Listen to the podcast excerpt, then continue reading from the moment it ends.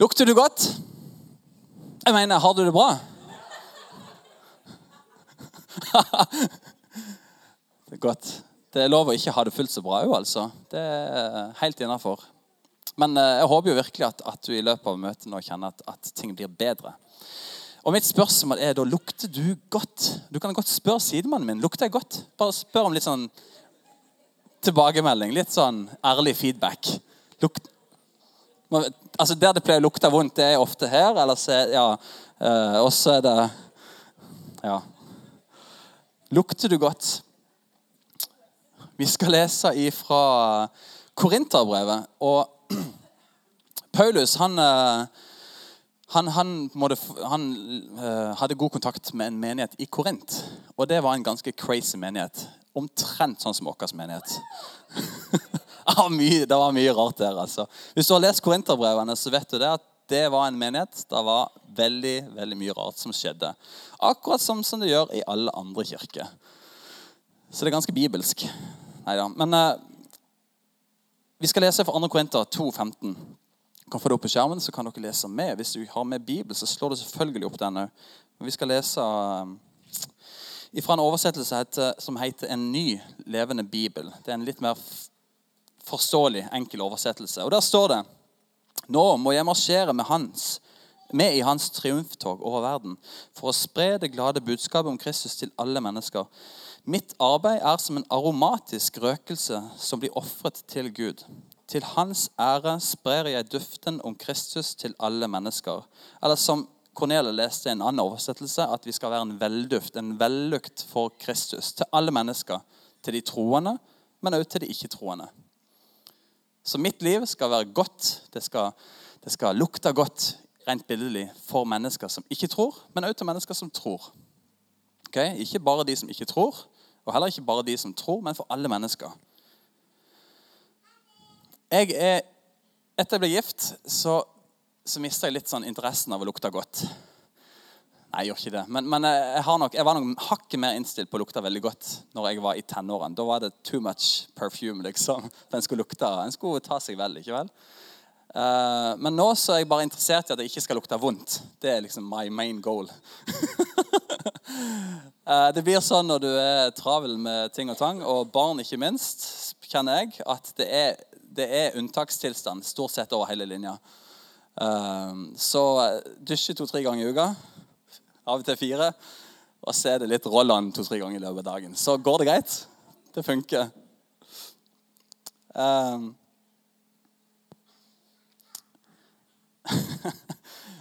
ja. Jeg vet, jeg, jeg vet, ikke med dere Jeg skal, jeg skal, litt, skal være litt uh, privat her nå. Uh, jeg, har en mage som er veldig glad i god mat. Men så er det sånn at magen min er ikke alltid glad i den, altså av konsekvensene da, av den gode maten. Og det kommer ut i forskjellige former. Ikke sant? Det vet jo alle. Det her er veldig naturlig. Eh, men ifølge kona mi da, så har jeg nok en overproduksjon av litt gass. ikke sant? Altså der, og det lukter sjelden godt. Og jeg er sikker, Det er ikke bare meg. her, Hvem her inne har gått på en butikk, og du ser bare ok, nå er det klar bane? Der er, der er, der er ingen andre her. ok? Det er helt tomt i hele hylla, og du bare bare smyger ut den dine. Og så kommer det alltid noe. Der kommer alltid noen rundt det hjørnet. Og så kjenner du bare at 'Nei, jeg dør innvendig.' ikke sant? Og du prøver å dra den med deg. liksom, ikke sant? Er det noen som har gjort det? I butikk? Ja. ja. Ja. Det er ikke bare meg. Skal vi snurre et klipp? Er det et klipp? Ja. Slut for denne här veckan, men ni ser på måndag igjen. Hei da! Men, oi, gud hva jag äter. Jag Jesus. Live TV. It happens.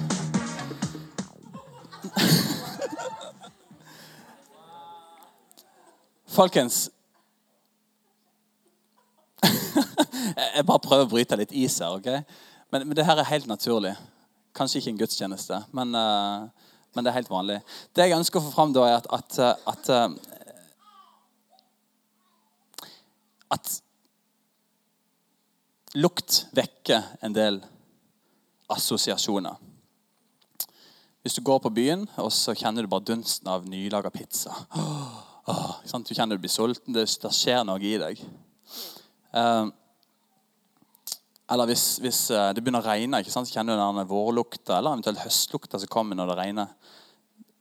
Så alle de her luktene de på en måte vekker en del assosiasjoner. Så spørsmålet blir jo i denne settingen her da Vårt liv Vekker det assosiasjoner hos andre mennesker? Eller hva slags assosiasjoner vekker det hos andre mennesker? Hva er det folk tenker på når de er sammen med deg? Hva er det du minner dem om? Hva er det ditt liv vitner om, forteller om? Hva er, det, hva er det første de tenker på idet du er sammen med dem på jobb i en pressesituasjon eller, eller uh, hjemme med vennene, når vi snakker om ting? Hvordan, hva det hva slags kroppslukt rent billig sett, er det du sender ut? Lukter du godt? Eller stinker det litt? Det er det jeg skal fram til, da. Et forsøk på det. Så på en måte, Bibelen sier en del om at, at vårt liv skal vekke assosiasjoner hos andre om Jesus. At når du er sammen med dem, så skal du på en måte Ah, Jesus, ja. At når du kommer inn i rommet, så ja, Han oppfører seg sånn og sånn og sånn, eller han er på den måten han, han hun, hun, ser alltid ting på så positiv måte. Så må det skal være en slags erlik. At det er en slags påminnelse om oh, Jesus. Så det, det, er på en måte Det er ikke en pastors oppgave. Det er heller ikke lederen sin oppgave. Det er ikke de som har masse bibelkunnskap, eller de som nettopp har hatt noen flotte opplevelser med Jesus. Det er ikke det er ikke først og fremst de som skal på en måte Ja, ja, men ja, i, led, i, men, i, menigheten vår er det noen ledere. De, de, de, dufter så mye Jesus. Det er så greit å være med de. Akkurat som en måte, jeg vet ikke om du har sett i Tour de France eller andre idretter der noen går foran, ikke sant? Og resten bare, de bare koser seg i dragsuget. ikke sant? Det er ganske stilig. De beiner på de foran, og de bruker masse, masse krefter på å bare ploge veien nedover veien. Så er det folk i midten som bare ligger og driver og bare surfer. Og Det kan være godt av og til. det er behagelig. Men meningen er jo at alle mennesker, alle som er troende, alle som har en relasjon med Jesus, de skal jo dufte av Jesus. Ikke bare flyte med flowen. liksom. Jeg er en del av dette, så jeg, jeg signer her, liksom. Nei, det er mitt ansvar, det er ditt ansvar. Der du er, så skal du dufte Jesus. Så i alt jeg gjør, i alle ting jeg klikker like eller skriver på Facebook, i alle ryktene jeg begynner å sende ut om andre mennesker, i, i, i jobbsituasjonen, når ungene er sure, når kona er urettferdig, når, når, når det er ting som, som må begynne å pirke borti deg, så er det meningen at det er Jesus som skal komme ut. Så kan du tenke, og jeg tenker iallfall det, at oh, ja, det skjer jo ikke alltid. Jeg er jo bare tross alt et menneske. Og ja, helt rett. Du er bare et menneske. Men Kristus bor i deg. Og en naturlig utvikling er jo at det blir bare mer og mer Kristus i meg og i deg. Vi begynner alle på en plass, men mener jeg at vi skal ha en vei å gå sammen med Han som gjør at vi vokser i Han, og meg og mitt eget avtar. Mer av Jesus, mindre av meg. Og det er ikke mindre av meg, Kristoffer, han som syns det er gøy å se på fotball, han som syns det er gøy å le av at andre detter litt, eller Altså, meg som Kristoffer skal ikke dø. Jeg skal ikke miste meg sjøl. Det er ikke det vi snakker om. Men alle de her tingene som stinker, det skal ut. Ikke sant? Og så skal det være mer Jesus i meg.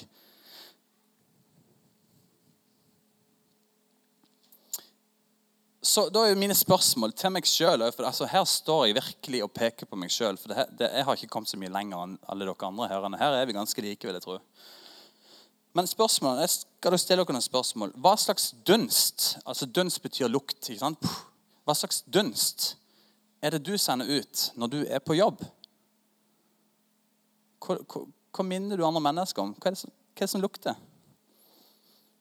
Eller hva slags dunst er det du slipper ut når du er med barna dine? Er det Jesus de tenker på når de ser deg?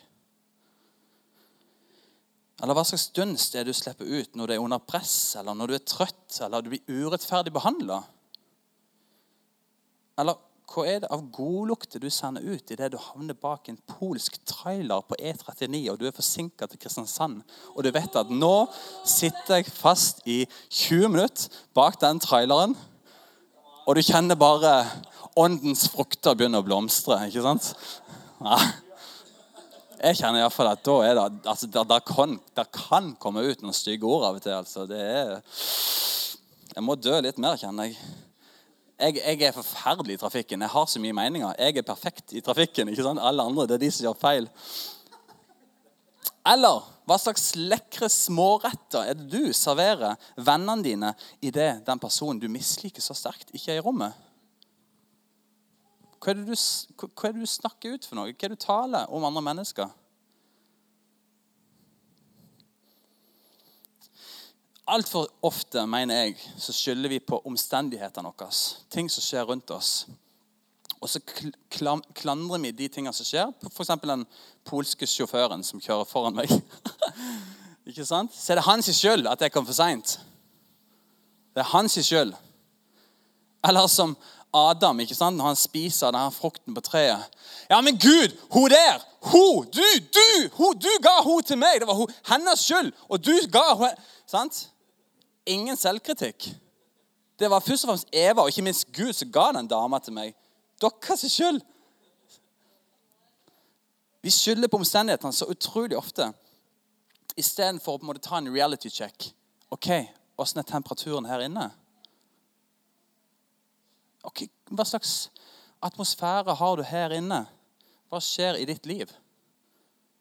Hva er det, fylle, altså det vi fyller oss med, det kommer jo ut. Spesielt når ting begynner å bli litt pressa. Et eksempel. Så får du vært på jobb, så får deg at du har vært på jobb eller skole eller der du måtte være, der ting er varierende. ikke sant? Åndens frukt får brynt seg litt. Og, og, eh, Idet du skal gå ut døra, så sier sjefen Ei, du må huske å gjøre det og det. og det. Å, det hadde jeg glemt. Nå blir jeg forsinka igjen. ikke sant? Så er det inn, og så må du gjøre det og det og det. og det, det. Du går ut, du snubler i trappa, slår deg i kneet, setter deg inn i bilen. Bilen vil ikke starte. Du begynner å gå hjem. Altså, Du kjenner bare ting begynner å reise seg innvendig. ikke sant? En hellig vrede. og, og, og, du kommer hjem, og skoene til ungen ligger strødd igjen. Kona har ikke fiksa det. Hun har vært hjemme i hele dag. Hva er det hun holder på med? Ikke sant? Middagen er ikke klar. Og du kjenner bare at munnen begynner, og du slenger ut noen stikk. Du sender ut noen kritikk. Men hva er det som er problemet? Alle de tingene langs veien, eller det som skjer inni deg? Det som er inni deg. For rett før du skal hjem på jobb, en annen situasjon, så får du telefon. 'Hei, det har fått Lotto. Tipping. Du har vunnet tre millioner i Lotto.' Du er blitt millionær. Og så sier sjefen 'Hei, du må komme inn her og gjøre det.' 'Å, selvfølgelig!' Ikke sant? Jeg skal gjøre det. Fiks, fiks, fiks. Og så går du ned, snubler i trappa. 'Ja, det gjør ikke noe. Jeg kjøper nye bukser i morgen.' Ikke sant? Du ser deg i bilen død. 'Ja, ja, jeg kjøper nye i morgen.' Du kommer hjem, skoene ligger strødd. 'Ja, ja, du fikser det.' ikke sant? Og, og måte middagen er ferdig. 'Ja, men slapp av, jeg skal lage middag for deg. Gå og legg deg på sofaen.' ikke sant? Du flyter på en sky.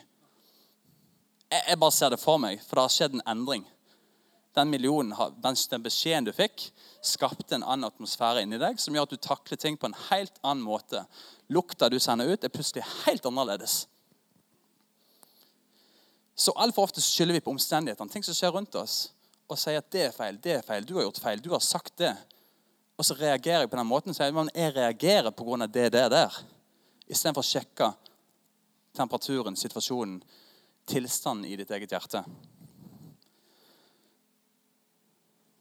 Og det, det er sånne situasjoner, eh, spesielt de små, plutselige, hverdagslige tingene, du kjenner plutselig at um, Ja, nei, unnskyld. Det er i sånne situasjoner enten små plutselige utfordringer eller langvarige hendelser, sesonger kanskje i livet, som bare presser og presser og presser, som gjør at ting i deg begynner å flyte til overflata. Ikke sant? Det kan være hverdagslige ting. Du er trøtt, du er sliten, og du bare snapper innimellom. Sender ut noen stikk. Eh, kanskje du blir forferdelig sint. Kanskje du er utakknemlig. Kanskje du ikke ber om tilgivelse. Eh, kanskje du reagerer på en måte, sier ting du ikke mener. Det kan være mange ting, hverdagslige ting. Eller faktisk situasjoner i livet som bare, det bare bygger seg opp. Det bygger seg opp, og Du bare blir pressa og pressa og pressa. Og det bare presser ut mange ting til overflata som ikke er bra. Og jeg vet at det er vanskelig, det er tøft, og det er lett for meg å si Jeg har hørt, sorry, jeg har hørt en liten baby som peis. Eller noe enda mer. Det er så mange ting som, som, eh, som, som presser fram de her tingene. Og, og, og, det er lett for meg nå å si at ja, det var omstendighetene. Selvfølgelig er det enkelt svar på ting som, eh, på, på det jeg sier nå.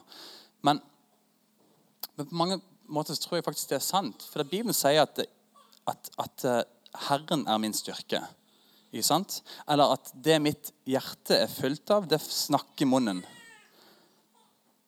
Så jeg tror det at jo mer jeg følger meg med Jesus, jo mer jeg eh, vokser sammen med han, jo mer han får tale liv inn i mitt liv, jo mer jeg legger fram på hans alter, jo mer jeg får av hans natur, desto mer Kristus vil det lukte av meg i pressa situasjoner. Altså, tror du ikke det, så er du, så er du på avvei, altså. Det er en naturlig ting å vokse med Kristus. Husker det, når, når Benjamin, vår eldstegutt, var i magen til Stine, så vokste han ganske ok. Og så Den siste måneden så flata hans kurva ut. Han stoppet å vokse. Altså Han ble tynnere, han fikk ikke nok næring, og lysene begynte å blinke. Vi måtte inn på regelmessig sjekker for å se om det var forsvarlig, eller om vi måtte, måtte sette i gang fødselen. Så alle lampene bare blinka. Krise! Det vokser ikke mer. Og tenker, Ta en sånn sjekk i ditt eget liv òg. Ok, Hvor er jeg i dag kontra fem år siden? Ti år siden? Hvor er jeg i dag? Har vekstkurva stopp, kanskje flata ut? Eller er hun kanskje på vei nedover? Altså, Ting går sånn i bølgedaler. Helt klart. Men jeg tror det er viktig at vi tar en reality check av til og sjekker ok, hvor er jeg i dag kontra fem år siden. Eller hvor er jeg i dag, og hvor ønsker jeg å være?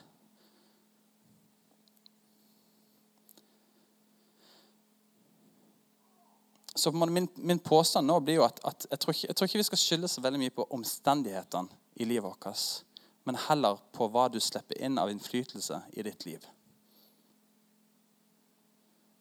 Altså Å tro at å lese Bibelen fem minutter i løpet av en uke, eller at søndagsmøte en gang i uka skal være med og gjøre at ditt liv med Kristus vokser.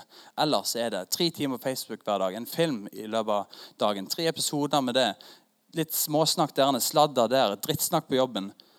Og så, og så skal søndagsmøtet redde ditt kristenliv i løpet av uka? Kom an. Det er jo den daglige pleien, relasjonen med Jesus, som gjør at vi vokser med Han, og at mitt gamle liv avtar. Det, der har jeg de siste årene prøvd å gjøre en endring. For jeg har sett at det holder ikke, det jeg har gjort. Ikke at jeg må gjøre så masse, men samtidig jeg ønsker å vokse, jeg ønsker å bli sterkere, jeg ønsker å bli sunnere med Kristus. Så ok, Da er jeg nødt til å gjøre noen endringer i livet mitt for at jeg skal se det. Fram til nå så har jeg fløte i at jeg har gode familie, venner som jeg på en måte flyter i sonen med, og på en måte jeg er med i oppgaver i menigheten. sånn, En er i liksom sånn flytsone. Men så kommer det til, til, til et punkt der du må ta ansvar for ditt eget liv. Du kan ikke bare flyte i alles andres innsats og meninger og, og, og flyte på dine barn som skal på søndagsskolen. Ja, jeg blir med, jeg òg, liksom. Eller nei, det handler om å ta selvstendige valg om at jeg ønsker å komme fra A til B. Så derfor ønsker jeg å gjøre det og det og det, og jeg ønsker å slutte med det og det og det. Og være litt selvstendig. Ta ansvar for ditt eget liv. Det har jeg begynt å gjøre litt bevisst de siste åra. Jeg merker stor forandring. Og et eksempel i forhold til dette det er første fasten vi hadde, sånn skikkelig sånn faste, er det et år siden kanskje? Cirka et år siden. For, ja, begynnelsen av året 2018. Og Før det så hadde jeg aldri, aldri, aldri gjort en faste sånn skikkelig. Jeg hadde gjort det bare for å prøve. Ja, prøve å holde ut tre dager uten mat. Se hva som skjer. Det var innstillinga. Men nå var det sånn ok, jeg ønsker å ha en faste i, noen, i ei uke. Ikke fullstendig faste, men jeg skulle, jeg skulle kutte ut lunsj og kveldsmat. Og Istedenfor å spise lunsj og kveldsmat så skulle jeg heller bruke tid i lovsang. Lese litt i Bibelen, noen vers i Bibelen som jeg skulle på en måte grunne litt på og, og be over. og sånt, I løpet av denne uka. Før jeg fortsetter, må jeg bare få opp det andre bildet. Jeg tror det er av mine fantastiske englebarn. Det var i dag tidlig. Og jeg tenker bare, Her ser dere mitt livs test. Her ser det veldig harmonisk og fint ut. Men det er de som virkelig får fram det beste i meg, og de får òg fram det verste i meg. Eh, Gud bruker de her tre guttene på en fantastisk måte til å bare skarpe meg, til å skjerpe meg, til å på en måte vise hvem jeg egentlig er. Av dårlige sider, men også gode sider. Og det er litt i forbindelse med dette. For i den fasen så merka jeg det at, at min lunte, mitt temperament, den ble kortere og kortere og kortere. Spesielt på dag tre så husker jeg at jeg da, da var ingen lunte. Altså, Jonathan, vår mellomste side av boka, han, han skulle kle på seg sjøl. Og så gikk det så sinnssykt seint. Og jeg har dårlig tid, for jeg skal på jobb. Og, og, han prøver så godt han kan. Men da kjenner jeg jeg blir så sint og irritert. Kan jeg ikke bare ta på den buksa? Og Så tar jeg tak i armen hans og drar han ned på, på gulvet, så han sitter på rumpa. Og så skal jeg ta på den buksa sjøl. Og så begynner han å grine for å få vondt i armen. Og jeg bare kjenner blir enda mer irritert. Hvorfor griner du? ikke sant? Ti stille. Og jeg kjenner bare det raser i meg. Får han i barnehagen, leverer han på avdeling, går ut i bilen, og så kjenner jeg bare Gud kommer. Og så kjenner jeg bare Shit. Jeg har så mye sinne, aggresjon og hat i mitt liv. Og gjennom den fasten nå, på tredje dagen så kjenner jeg bare hvordan Gud bare Situasjoner i mitt liv bare det presser det fram. Nå ble det så tydelig for meg. Jeg sliter jo med, med sinne.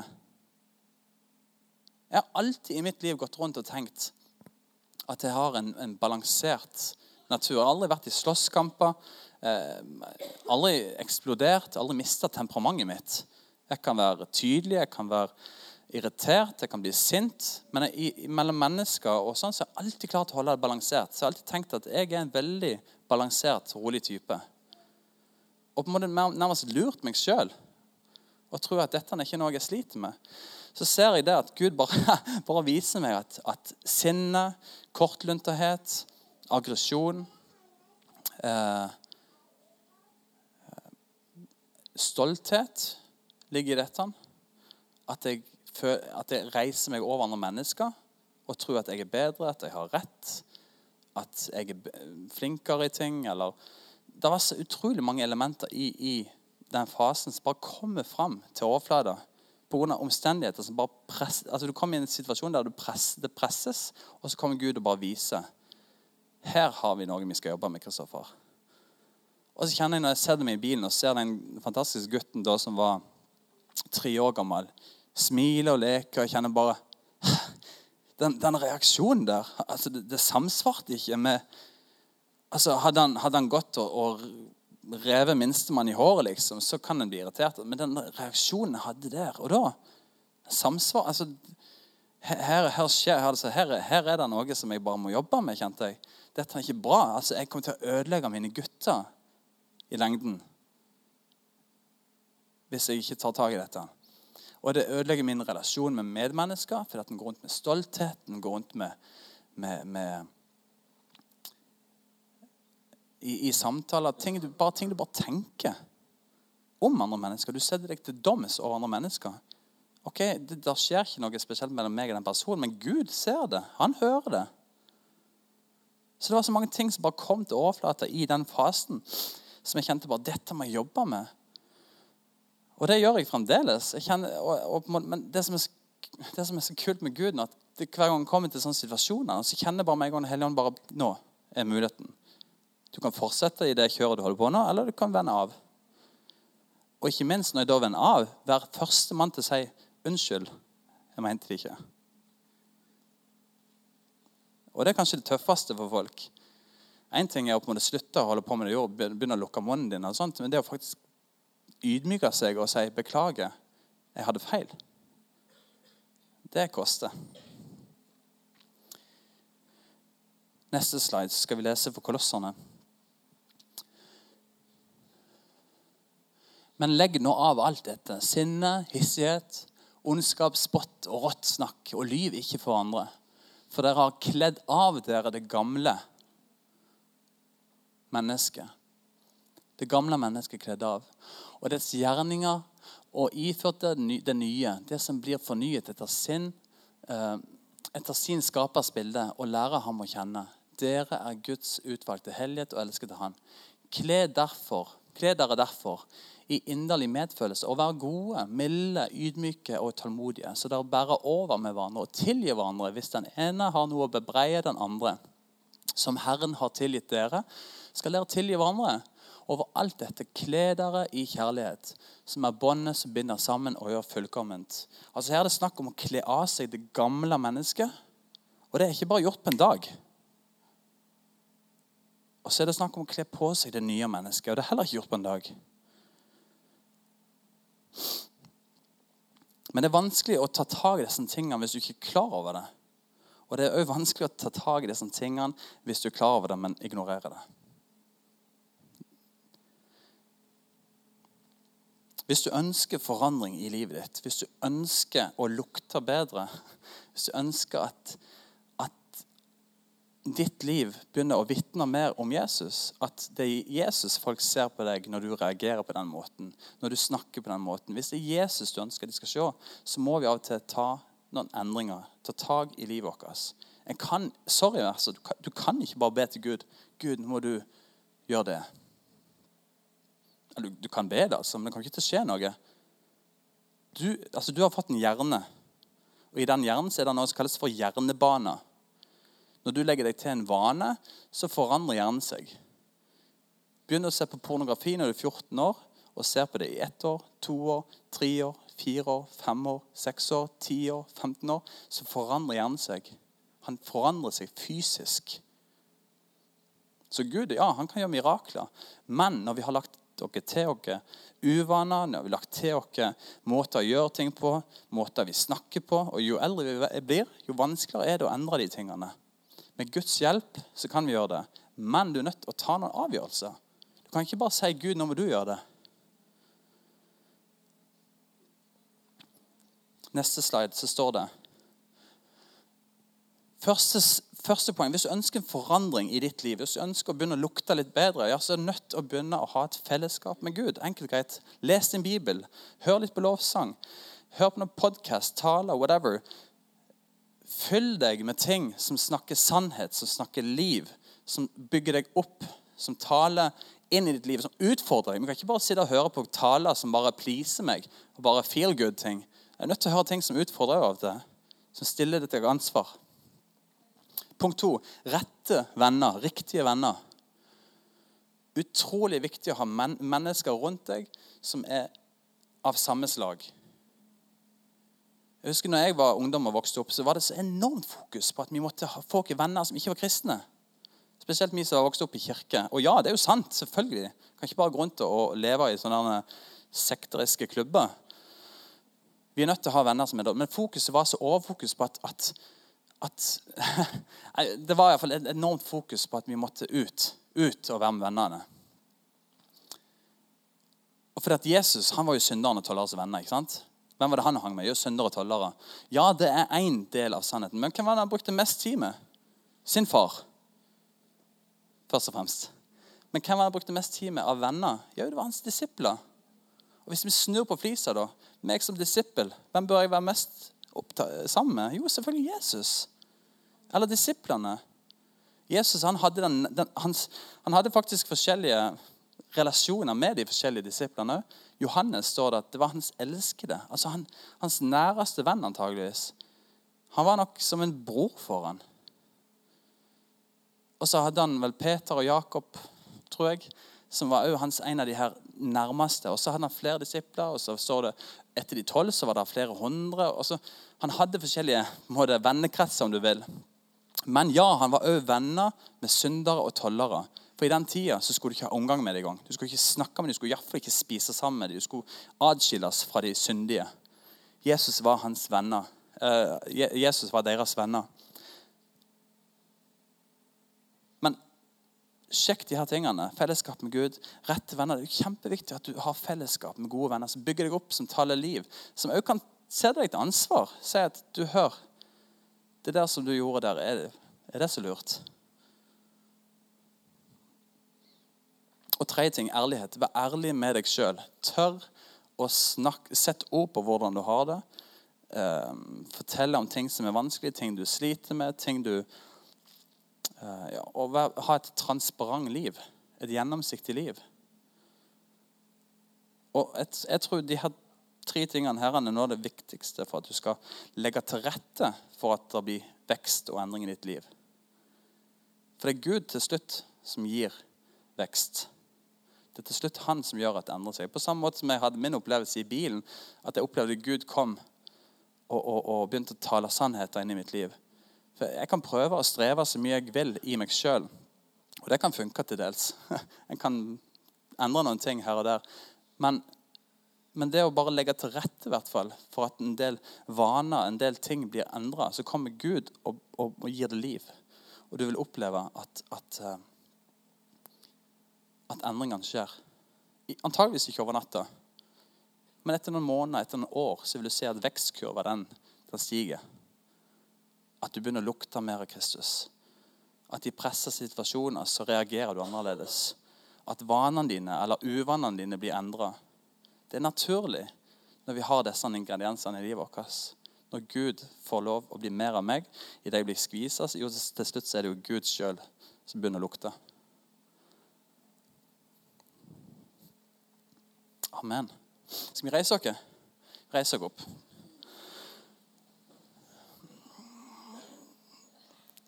Jesus, jeg takker deg, Herre, for at, uh, for at uh, din kjærlighet og din nåde, den er nok. Og jeg takker for uansett hvordan livet mitt er, eller ikke minst hvordan det har vært, så er din kjærlighet og nåde, den er evig. Den er Åh, den er så god, Herre. Og jeg takker for at det er din kjærlighet det er den, det er den som forandrer oss. Det er den som som, eh, som skal gjøre den, det arbeidet i oss, Jesus. Men måtte du bare hjelpe meg her. Måtte du hjelpe de som er her inne, som nå kjenner at oh, ja, jeg trenger en forandring. At, de, at du bare minner dem på området, her, Jesus. At du viser de ting i deres liv som de kjenner at de ønsker å, å legge av seg. Som de ønsker å vende seg vekk ifra, Herre Jesus. Takk, Gud, for at du er en god Gud, Herre. Takk for at du er en kjærlig Gud, Herre Jesus. Takk for at du er en nådefull og tilgivende Gud, Jesus. Og jeg takker Herre for uansett hvor mye vi måtte ha sagt eller gjort eller Ja, i, i fortida, Herre Jesus, så, så er det en ny dag, Herre. Det er en ny morgen, Herre Jesus. Gud, vi bare legger vårt liv framfor deg, Herre Jesus. Og vi bare ber om at med tida så måtte det bare bli mer og mer av deg, Jesus, mennesker lukter når de treffer på oss. At når barna våre ser oss i situasjoner her, så er det bare mer og mer av deg de ser i oss. At deres liv skal være et vitnesbyrd om deg, Herre. Gud, måtte du bare vise oss mer av, av deg, av din vilje, av din natur, Jesus. La oss bare få se mer av deg, oppleve mer av deg, Herre. Sånn at vi kan se at mennesker rundt dere kan få smake deg, kan få lukte deg, Herre. I Jesu navn. Amen.